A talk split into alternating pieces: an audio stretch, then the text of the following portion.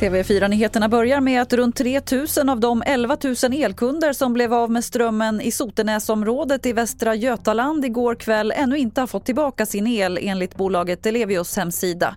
Det blev strömavbrott vid halv tio-tiden igår kväll och prognosen just nu är att problemet ska vara löst vid tio-tiden. Idag inleds årets sista EU-toppmöte i Bryssel och kriget i Ukraina står förstås högt upp på dagordningen. Vår reporter Ritva Rönnberg är på plats i Bryssel.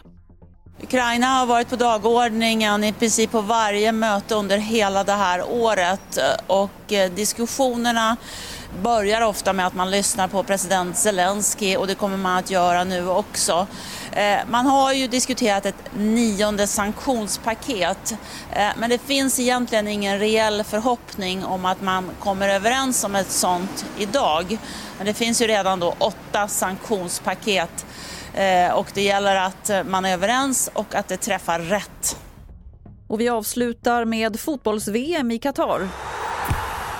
Frankrike är klart för final efter seger med 2-0 mot skrällaget Marocko igår kväll. I finalen som spelas på söndag väntar Argentina och för Marocko blir det bronsmatch mot Kroatien på lördag. Fler nyheter hittar du på tv4.se. Jag heter Lotta Wall.